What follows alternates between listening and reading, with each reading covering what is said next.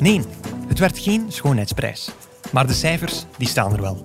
Na een 30 op 30 in de voorbereiding pakt België met een 0-2 zege tegen Finland nu ook 9 op 9 in de groepsfase van het Europees kampioenschap voetbal.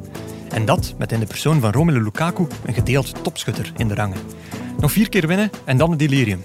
Liefst in de honderdste interland van die topschutter. Why not? Welkom bij Shotcast TK.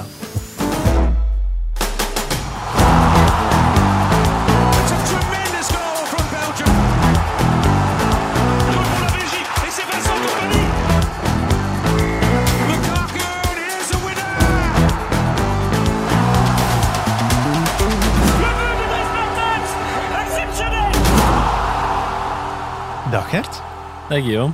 Ehm, de luisteraar went maar beter aan deze combinatie, want wij nemen de laatste drie dagen eigenlijk van de groepsfase met ons twee op en niet met Lars. Ja, ja. Tot en met woensdag zeker. Allee, donderdag voor de luisteraars. Eh, ja, dus Zitten wij eh, bij jullie. ja, en ik denk ook dat jij stiekem hoopt dat je toch nog Ja, eens een topmatch inderdaad, te zien krijgt, want- je hebt zo een, een ja, Ik heb, de pech. gave, ja, ik heb de gave om op elk toernooi de topmatch van de groepsfase te missen. En dit Eh, jaar was dat? Dit jaar was dat Duitsland-Portugal. Niet gezien.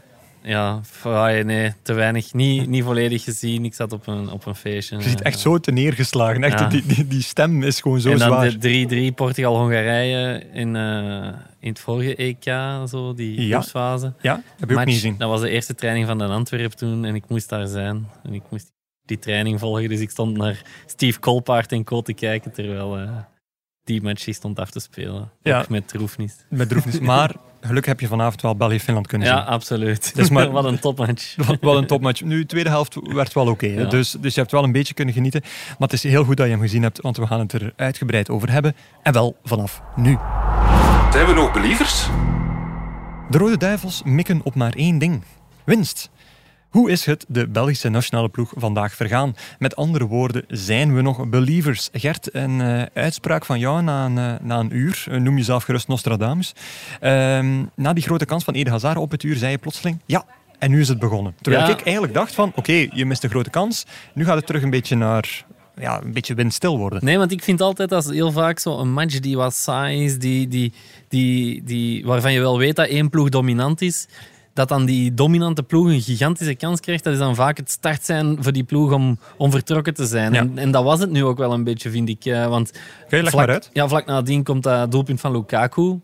Dat wordt afgekeurd voor, voor buitenspel wel natuurlijk. Maar dat was al direct het tweede moment in een paar Ja. minuten dat zo spannend was. Zo. Ja, en dat doelpunt, misschien daar even al Ja. meteen bij stilstaan. Allee, dat niet doelpunt eigenlijk. Eh, ja, ik ben een grote fan van scheidsrechters en VARs en dergelijke. Eh, maar dit was wel heel close. Hè? Ja, was, was heel close. En, en ik had trouwens een berichtje van een vriendin die, die zelfs na het stopgezette beeld niet snapte van oh, dat is toch, toch, eh, allee, dat is toch geen offside, hè, zo close. Maar ehm, ja, op, wat, dat ik, wat ik hiervan heb, ja, ze zetten nu dat beeld stil. Ja. En het, op het stilstaande beeld zie je, als je heel hard inzoomt, ja, Lukaku staat een, een, een teentje buitenspel. Terecht dus. Ehm, maar dat kan zoveel verschillen. Ook dat is een menselijke, in, allee, menselijke inschatting. Want beelden van tv, ja, dat zijn 25 frames per seconde. Dus dat zijn Ja. eigenlijk 25 foto's per seconde.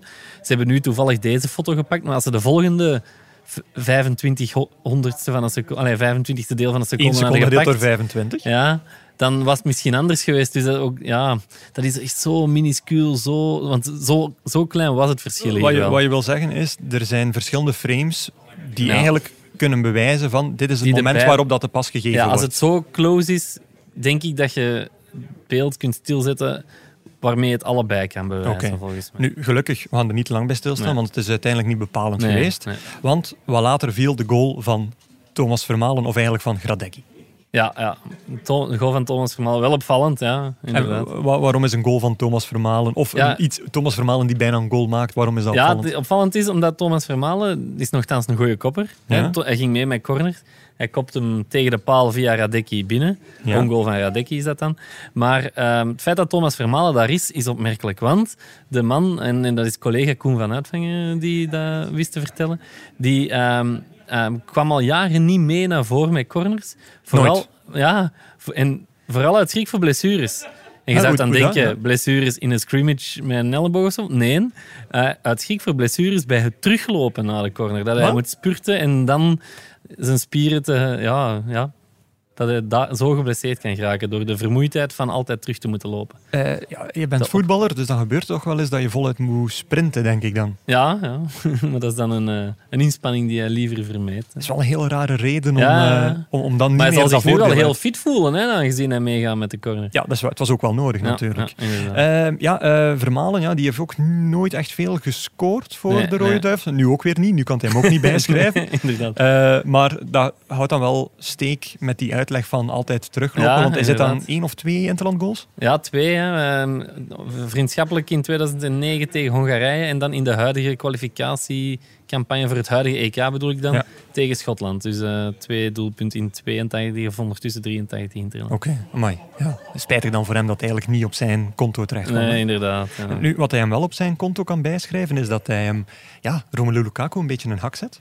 Want door, Hoezo? ja, door Radecki in, een, eh, in, in die situatie te dwingen, heeft hij eigenlijk eh, de topschuttersambities van meneer Eigentor een beetje kracht Ah, bijgezet. ja, Eigentor. Zit- Eigentor, Zit aan zes zeker nu. Zit aan zes stuks.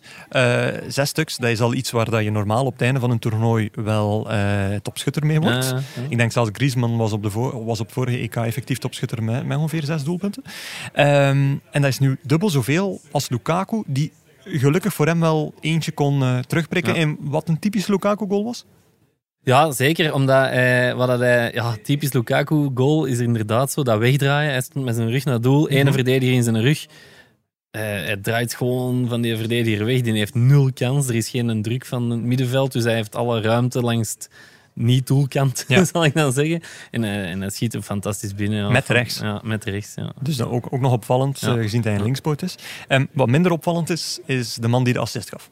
Kevin De Bruyne. Ja, Eh, ik hoorde een podcast deze ochtend eh, waarin de twee hosts zeiden van ja, als er één iemand is die de Finse vloek, want het is de eerste keer sinds 68 dat België Ja. Finland verslaat, gaat doorbreken, dan zou het Kevin De Bruyne zijn. Ja. En die podcast werd gehost door ene Lars en ene Gert. ja, ja, inderdaad. Ik heb dat ook gehoord of gezegd. Of gezegd, in dit geval, ja. Nee, maar je hebt, je hebt echt volledig gelijk, want ook die, die bij de spelgoal was een inderdaad. assist van, van De. Bruyne. En ik ben eens in de statistieken gaan, eh, gaan kijken. Ehm, ja, hoe afhankelijk zijn beide heren van elkaar? Lukaku en De Bruyne bedoel ik. Lukaku en De Bruyne. Dus Lukaku zit nu aan 62 treffers, denk Mhm. ik. Ehm, tien daarvan, tien daarvan, een zesde, kwamen op assist van De Bruyne. Wat dus eigenlijk schandalig veel was. Dat is heel veel. Ja, eh, op zijn beurt heeft Lukaku drie assists gegeven aan Kevin De Bruyne om te scoren. Wat ook wel veel is, gezien De Bruyne veel minder scoort. Dus Ja. procentueel zal dat ook wel zijn. Ehm, dus ze zijn samen betrokken, hun, eh, zij twee, bij, bij 13 doelpunten. Of zijn samen verantwoordelijk voor 13 goals. Het opvallende daarvan is, eh, acht van die 13 goals zijn eigenlijk gecreëerd sinds het WK 2018 tot nu. Terwijl ze wel al sinds 2013 samenspelen Ah ja, bij de nationale ploeg. Dus die eerste vijf jaar doen ze er eh, vijf. En de laatste twee jaar en een half, drie jaar, zitten ze eigenlijk al aan acht. En, en wordt het eigenlijk steeds meer en meer. Wat, wat, wat nog meer aantoont dat die combinatie wel redelijk goed werkt. Ja, en ze maken dan ook altijd dat mooi gebaar Ja. met hun handen in de lucht, eh, handen tegen elkaar. Eerste keer eh, Ja. USA 2014, ja, denk ik. En nu doen nu ze het hebben ze het twee keer gedaan, deze wedstrijd hebben ze twee keer gedaan. De eerste keer telde het niet. De tweede keer wel. Tweede keer telt het gelukkig wel. Mooi, mooi voor de foto's in de krant ook Zeker ook wel. En ook mooi voor de Bruinen zijn statistieken, want die zijn ook wel redelijk fantastisch dit EK. Hè? Ehm, ja, de Bruyne zit nu al aan negen gecreëerde kansen. Ja. En, maar je moet weten... Over heel meest- toernooi. Over heel het toernooi. Maar dat is het meeste van alle spelers op dit toernooi. Ja? Maar hij heeft maar de helft van de speelminuten. Ja. Dus dat is, ja, dat is waanzinnig, hè? Dat is Eh. inderdaad waanzinnig. En ook Ja. redelijk waanzinnig dat hij samen met Hazard en samen met Witzel effectief wel 90 Ja, minuten gespeeld hebben. Dus, ja. dus onze zorgenkindjes zijn geen Nee, zorgenkindjes ze meer. hebben hun, hun inloopmatch gehad, hè, nu. Alleen hun twee inloopmatchen gehad. Ja. Ja, nee, inderdaad. Ehm, dit was nu zo'n derde groepswedstrijd. Eh, ja, tegen een, een matige tegenstander. Eigenlijk viel er hier voor de Rode Duivels heel weinig te, te winnen. Ja, je kunt enkel maar punten verliezen, of je kunt motivatie verliezen, of je kunt vertrouwen verliezen. Ehm, kun jij toch zeggen wat er hieruit te, te leren viel voor de Duivels? Ja, ik leerde, ik, ik, eh, ik reken eigenlijk vooraf in deze match. Ik had gehoopt op zo'n Tunesisch scenario met veel goals, hè, waarin 5-2 Lukaku, op, ja, eh, waarin Lukaku eh, veel goals gaat maken, Hazard en assistje, de paar mooie acties, maar dat was het niet. Maar ja, wat ik, wat, wat ik vind dat we geleerd hebben, ja, er is niks, eigenlijk niks gebeurd in negatieve zin.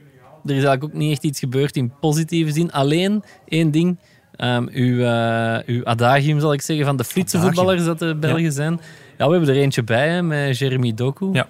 Een Goeie extra- prestatie van Een extra, ja, een extra Friese voetballer. Hè. Een goede prestatie. Ja, was, was goed. Ja, Oké. ja. Wat ik vandaag vooral geleerd heb, en dat wist ik nog niet over Jeremy Doku, dat hij het ehm Kenneth Vermeer-syndroom heeft. Het wat? Het Kenneth Vermeer-syndroom. Eh, er zijn compilaties op YouTube waarin eh, Kenneth Vermeer geïnterviewd wordt door diverse interviewers. En Kevin de, Kenneth Vermeer, als hij een vraag gesteld kreeg, dan was zijn eerste reactie niet antwoorden op die vraag, maar die vraag herhalen in een Ah. nog meer vragende wijs. Ehm, vond je zelf dat je goed was vandaag? Of ik vandaag goed was? Dat soort zijn. En Jeremy Doku deed exact hetzelfde bij het is om interview tijd te kopen. Hè, met Ruben van. Gucht. Inderdaad, dat is exact om tijd te kopen, omdat je dan zo begint na te denken over die inhoud van die vraag. ja. Dus, dus dat vond ik, gast, eh, slimme gast. ah, wel, dat, dat vond ik heel opvallend. Dus als je nog eens dat interview terug zou kunnen zien als Ja, luisteraar, zeker doen. En vooral de Vanaf volgende keer ook dat echt nooit niet meer anders kunnen zien. Nee, Nee, nee, met Jeremy Doku. What has been seen cannot be unseen.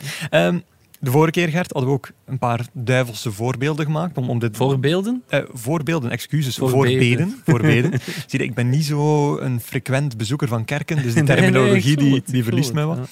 ja. Ehm, en ik stel voor dat we dat nu ook doen, ter, eh, ter afsluiting van eigenlijk het, eh, het matchverslag. Ja, ja. Oké, Ehm, Moeten we dan ook zo... bieden, bied voor ons, verlos ons Heer erachter zeggen? Ja, of zeg gewoon, laat ons bidden voor. Ah. Dus ik, ik zal beginnen. Eh, laat ons bidden voor Leandro Trossard. Die niet alleen op de bank zat ten koste van een rechtstreekse concurrent in eh, de figuur van Jeremy Doku, maar ook gedoemd was om hem vanuit de wingback-positie achter hem te bevoorraden. Dat is echt pijnlijk eh, dat dat geweest moet zijn om eigenlijk je concurrent zo... Ja, en hij stond eh, op te rechts, steunen. ook wel vreemd. Ja, dat is ook al niet zijn beste, Ja. want eigenlijk is hij een linksvoor Ja. die nu als rechtsback Wingback. eh, werd ja. uitgespeeld. Dus dat is heel moeilijk om je Ja. dan te bewijzen. Ja. Jij hebt nog een voorbeeld? Ja, laat ons ook bidden voor Hans van Aken. Wiens wellicht enige invalbeurt op dit toernooi werd overschaduwd door een vrouwelijke strieker op het veld. Die onbegrijpelijk niet in beeld was. Nee, Ehm, wel laat op de ons foto's van Bart Laga in de WhatsApp-groep. Oké, dat is goed om te weten. Eh, laat ons bidden voor de teammanager van de Rode Duivels, die al 24 verschillende namen op de bladen heeft moeten schrijven. Het meest van alle landen. En tevens een uniek record, omdat voordien eh, selecties maar met 23 waren. Maar België heeft nu effectief gebruik gemaakt van iedereen buiten de twee keepers, is 24. Ah, ja. En dan laat ons bidden voor Guillaume. Die Voor zijn, Ja, ja. Die zijn favoriete Finse speler Daniel O'Shaughnessy Ja, door Peter van den Bemt uitgesproken hoorde worden als Daniel O'Shaughnessy.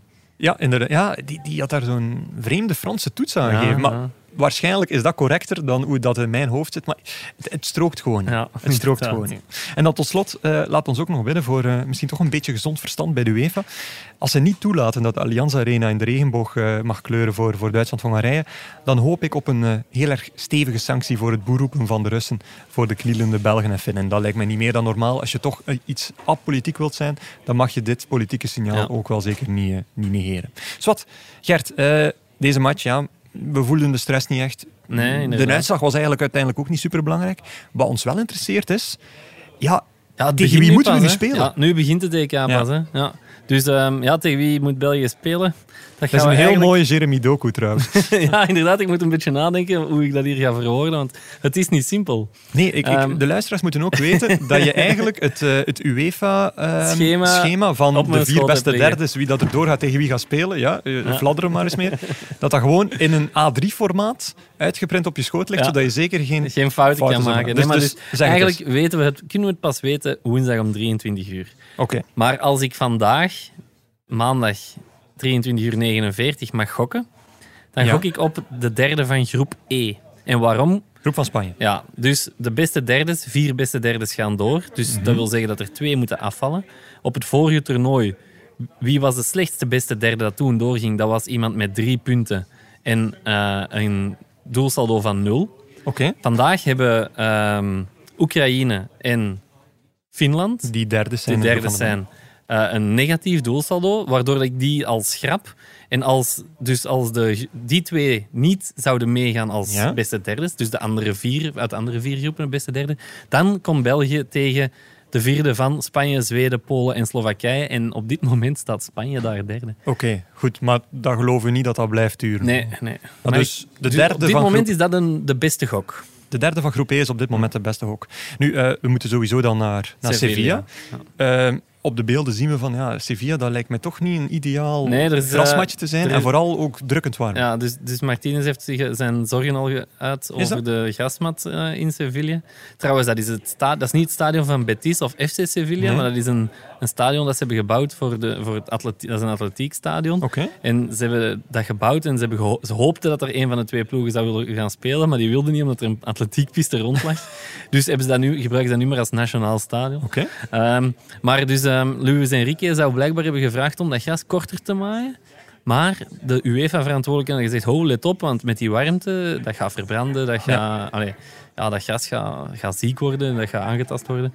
En zo geschieden. En nu moeten daar dode stukken gras worden vervangen en zo. En de mat liet echt slecht. Oké. Eh, Maar het dat is is, ook het nadeel van Spanje dan. ja, het veld helpt niet om tegen een gesloten tegenstander te spelen, zei Manchester City-middenvelder Rodri Hernandez van Spanje. Oké. Ook niet in het voordeel van België, denk ik. Nee, want België wordt toch wel verwacht om toch altijd toch een beetje de dominanter van de twee ploegen te zijn. Nu, ehm, dankzij die winst van België, door het gekke systeem, zijn ook tegelijk Zwitserland, Engeland, Tsjechië, Zweden en Frankrijk nu zeker van de volgende ronde. Ja. Altijd een beetje KUT als je ja, door bent zonder zelf te spelen. inderdaad. Ja, dan, dan kun je zo niet echt vieren. Ehm, ik, eh, ja, En dat is omdat, ze, omdat die ploegen vier punten hebben. Ja. En er zijn nu twee derdes met drie punten. Ja, op die manier. Ehm, de andere match in eh, de groep van de Bel, Rusland-Denemarken, ja, eh 1-4. Ja. Eh, ja, wat moeten we daarvan weten? Want die hebben maar met een half oog gevolgd. Hè? Ja, inderdaad. Ehm, ja, Finland was... eh, Rusland, eh, Denemarken, sorry. Finland, Rusland, ja, Denemarken. had heel veel energie in, de- in dat spel. Ehm, leek mij ook wel wat voordeel te hebben. Ik had het zo half opstaan. Ja. Ik had het opstaan, maar ik keek er maar half naar. Ehm, en, en ze le- leken mij ook wel voordeel te hebben van dat thuisvoordeel. Ja. Ehm, dus en, ja, zij zijn nu tweede. Eh, ze gaan, zij gaan door hè, na die 4-1 winst. Rusland is, de, is vierde, Ja. uitgeschakeld. En Finland is het beste derde van onze groep hè, met drie punten en een doelsaldo van min 2 nu. Dus Ja, als ik het zo zie, die 1-4, ehm, ja, veel krachtig spel, veel emotioneel spel. ja, Ja, eh, je- hebben wij dan misschien toevallig de wedstrijd van de groepsfase Ja, gemist? Want ik denk het kan wel even goed geweest zijn als Portugal-Duitsland, als ik, Ik denk zo dat hoor. het vandaag, in een, als je niet een Belgische voetbalpodcast zou maken, dat het vooral over die match zal, eh, Ja, zal gaan. Waarschijnlijk wel. Waarschijnlijk wel. Nu, die Denen die mogen nu tegen, eh, tegen Wales spelen. Dus Ja. dat is ook wel nog een, een leuk cadeau. want dat opent wel perspectieven. Ehm, nog iets opvallend van, van die wedstrijd? Ja, wat, wat mij opviel was, de Denen hebben nu drie wedstrijden gespeeld. Drie keer in een ander truitje of outfit zelfs. Drie keer een andere outfit. Ja, dat viel mij op. Meestal heb je een uitruitje en een thuisshirt. Ja. Maar de eerste wedstrijd spelen zij traditioneel in hun truitje wit. Rood truitje, witte mouwen hè, en een wit broekje. Ehm, maar de tweede wedstrijd speelden ze tegen België. En België speelde in het wit, Ja. waardoor die witte mouwen niet konden. Dus hadden ze een volledig rood Ja. en ook een rood broekje. En nu vandaag speelden de Russen volledig in het rood. Dus moesten zij volledig in het wit. Dus eh, Bizar. een unicum, denk ik. Ja, ik, ik denk niet helemaal dat het uniek is, want eh, ik heb het eens opgesnort en het, het gekste shirtverhaal op een toernooi dateert van 1978. Oké. WK in Argentinië. Eh, wedstrijd Hongarije tegen Frankrijk. Eh, aftrap was er. Komen die beide ploegen toch wel aandraven in het wit, zeker. Ehm, Frankrijk werd dan gevraagd om, om een Ja, zuiveltjes aan te doen. Stel u voor. Zou nog, dat zou eigenlijk nog het beste idee Zo van zijn. oranje met reflecterende stroken. Zo pikken van de fotograaf. Nee, dus die Fransen moesten dan wisselen van truitjes. Eh, maar die hadden blijkbaar geen alternatief dat echt goed afstak tegen dat, eh, dat wit. Ehm, dus wat was het idee? Ja, ze zaten in Argentinië. Ze zijn eigenlijk bij de lokale voetbalclub gaan vragen van, ja, mogen we jullie truitjes gebruiken? Die lokale voetbalclub, dat was, dat was in Buenos Aires, Club Atletico Kimberly. Dus een geweldige Oké. naam. Deze club bestaat ook trouwens niet meer. Ah ja, die bestaat wel nog in het voedsel, maar echt veldvoetbal, daar doen ze niet meer aan mee. Eh, maar die hebben dus aan, aan eh, Platini en, en andere sterren hun truitjes uitgeleend. En zo kreeg je dus een situatie dat Hongarije in het wit speelde en die Fransen in eh, ja, wit met groene verticale strepen. Oké, Dus Frankrijk in het groen, het, het, het bestaat eigenlijk. Ja, straf verhaal. Inderdaad, ja. Ehm, dan denk ik dat we genoeg gesproken Ja. hebben over de Rode Duivels. Hè? Dan is het tijd om over te gaan naar eh, de orde van de dag. Elke dag vragen onze vrienden van Bwin zich af wat er te onthouden valt van de EK-dag. En wij geven hen maar wat graag het antwoord. Onze arme vrienden van Bwin komen nooit iets te weten over de Rode Duivels. Ze mogen pas beginnen luisteren over alle andere wedstrijden, Gert. Maar eh, we hebben het opgedeeld Ja. eh, deze eh, vooravond om 6 uur.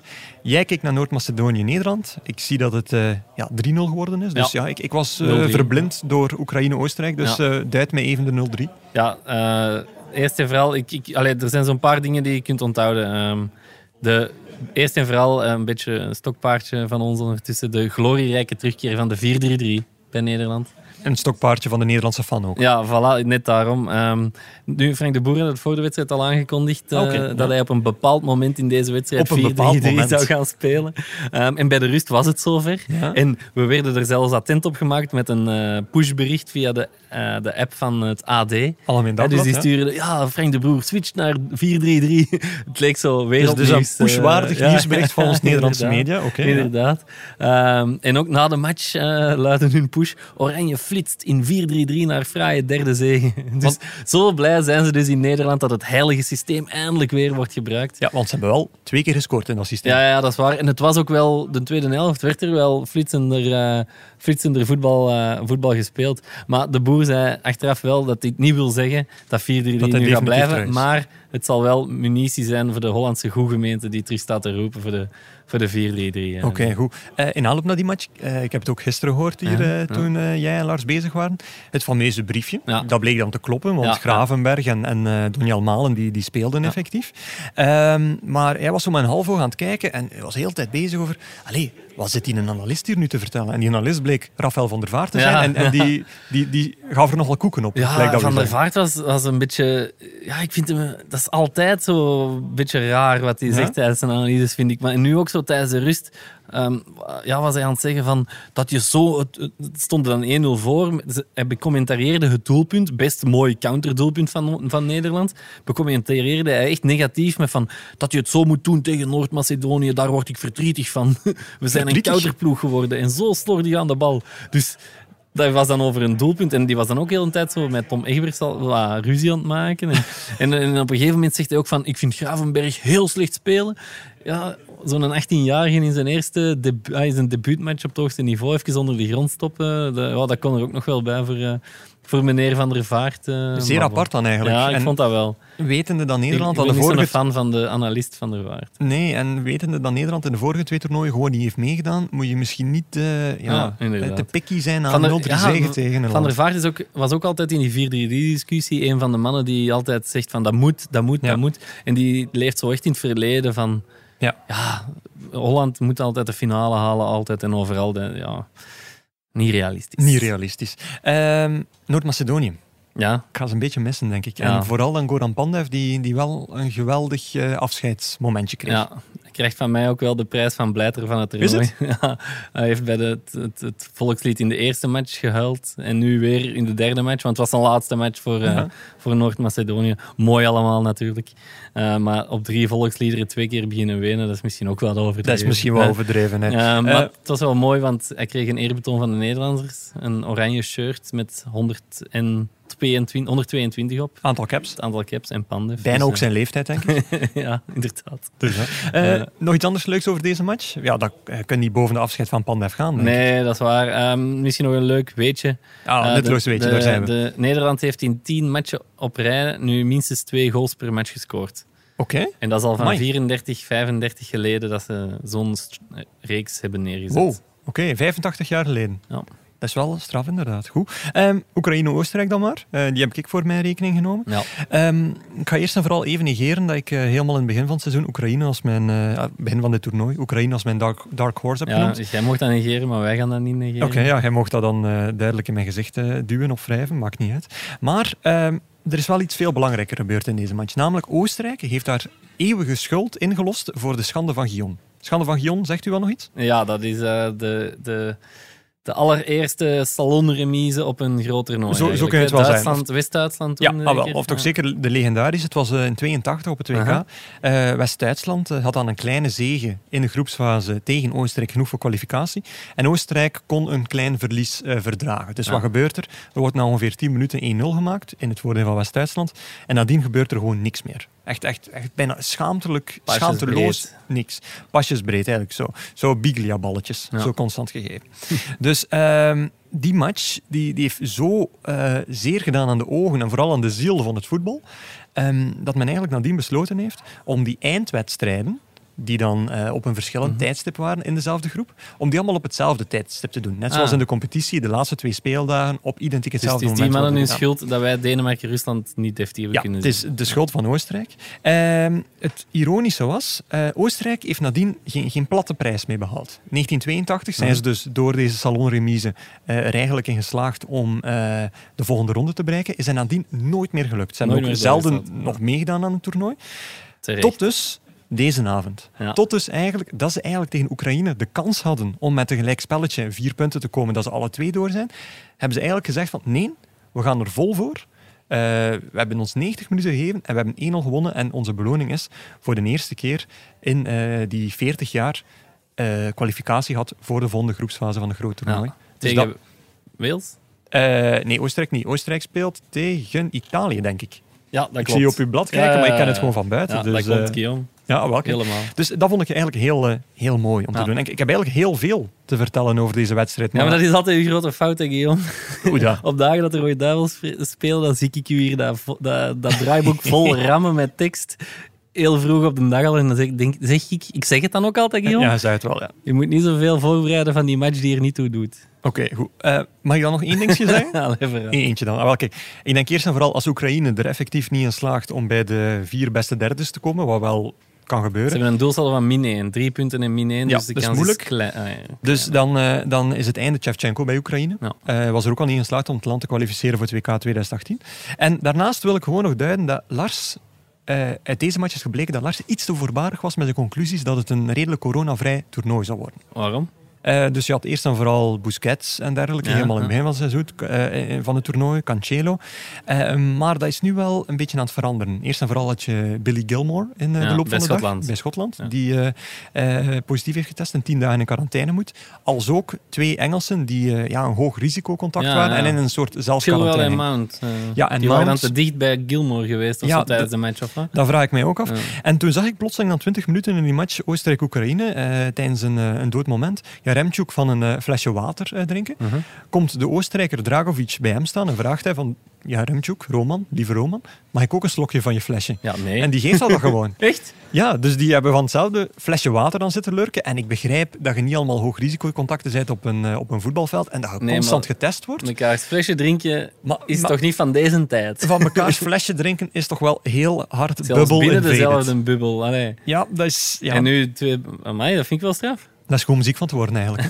Ja. Dus ja. Ik Goed. ben er niet goed van. Nee, al wel. Dus eh, bereid u voor op een golfcorona. Bereid u erop voor, stel u voor. Stel u inderdaad U voor. hoorde het eerst bij Shotcast.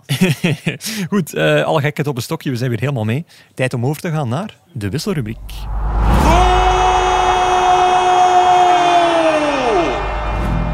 Onze stagiair Jarno Herftijd droomt van een carrière als voetbalcommentator, dus geeft onze sponsor Biewen hem de kans.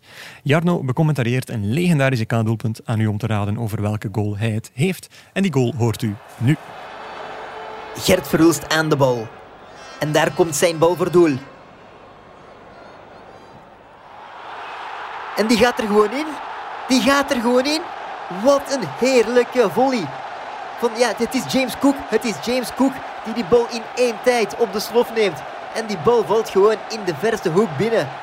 Het lijkt gewoon een onmogelijke hoek, maar die bal valt er toch in. Hoe is dit in godsnaam mogelijk? Een godsgeschenk dat pardoes uit de hemel komt vallen. En James Cook neemt het cadeautje aan.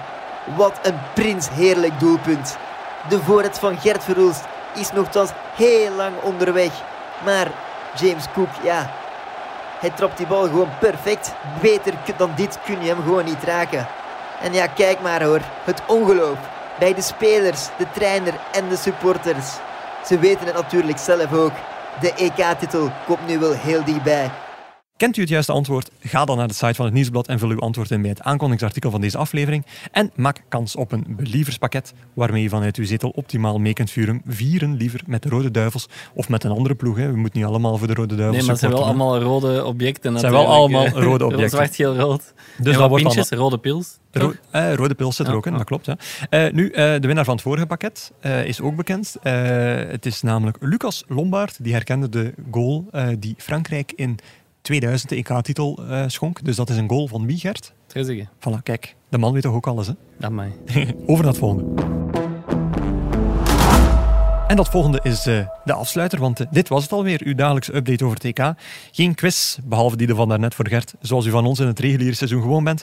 Maar via de app van het Nieuwsblad kan u deelnemen aan de Believers Quiz, waar u 10 vragen moet oplossen in 13 seconden 87 honderdste. Gert, wat staat er vandaag in de krant? Eh, ja, de spelersbeoordeling van de Rode Duivels. Hè, de punten die we elke keer geven. En dat Alle is altijd heel, heel, eh, heel populair. Ja, een 4 voor Shadley. Eh, niet onterecht. Een 8 voor Lukaku. Dat zijn de uitschieters. Ook niet onterecht. Ehm, En maar- De Bruyne meer dan een 8 dan? ja, dat, heb ik, dat, dat weet ik eigenlijk niet goed. ja, want de Dus Bruyne is moeten man de of de mensen match. zelf gaan kijken. Dat moeten ze zien, want hij is man Ja. van de match geworden. Maar de mensen kunnen ook zelf, onze luisteraars kunnen ook zelf punten geven. Want we krijgen heel, heel vaak te horen: oh, die punten, dit en dat. Hè. Wie geeft die punten? Wie geeft Ja. er daar een 7? Wie geeft er maar een 4 aan Shadley? Wel, mensen, jullie kunnen het nu lekker zelf doen in de app van het Nieuwsblad. Ja, dat klopt. Dat klopt. En mensen die gewoon de krant willen, 2,99 euro per week en niet 3,5 op nieuwsblad.be backslash actie. Lieve, lieve producer Pieter, ik zie u al naar voren komen. Eh, geef ons eh, een timecheck. Eh, 30 minuten, eh, een beetje meer. Oké, dat is goed. Hè? Dat, is, eh, dat is goed voor één keer. hè. boek het dicht. Boeken dicht, denk ik dan. Hè. Enkel nog de kalender voor vandaag. Eh, slechts twee matchen. Eh, de matchen Ja. van groep D. En allebei om 9 uur. Dus geen partijen om 3 en om 6. Want om 9 uur is er Kroatië-Schotland enerzijds. Tsjechië-Engeland anderzijds. Wie megascore mist en zich toch graag waagt aan een gratis EK-prono met vrienden, kan altijd terecht bij bchamp.bwin.be. Voor de rest... Geniet van de overwinning van de Rode Duivels. Geniet ook van de overwinning van Oranje als u Nederlander bent. Geniet van het EK en tot morgen. Dit was Shotcast EK, uw dagelijkse afspraak met de voetbalpodcast van het Nieuwsblad. De presentatie was in handen van Guillaume Mabe, Gert Gijssen en Lars Godot. Jarno Herftijd hielp bij de rubriekjes. Bwin is onze trouwe en geliefde sponsor. De muziek werd verzorgd door Stef Leenaerts van House of Media. Zijn collega's verzorgden de montage, waarvoor grote dank.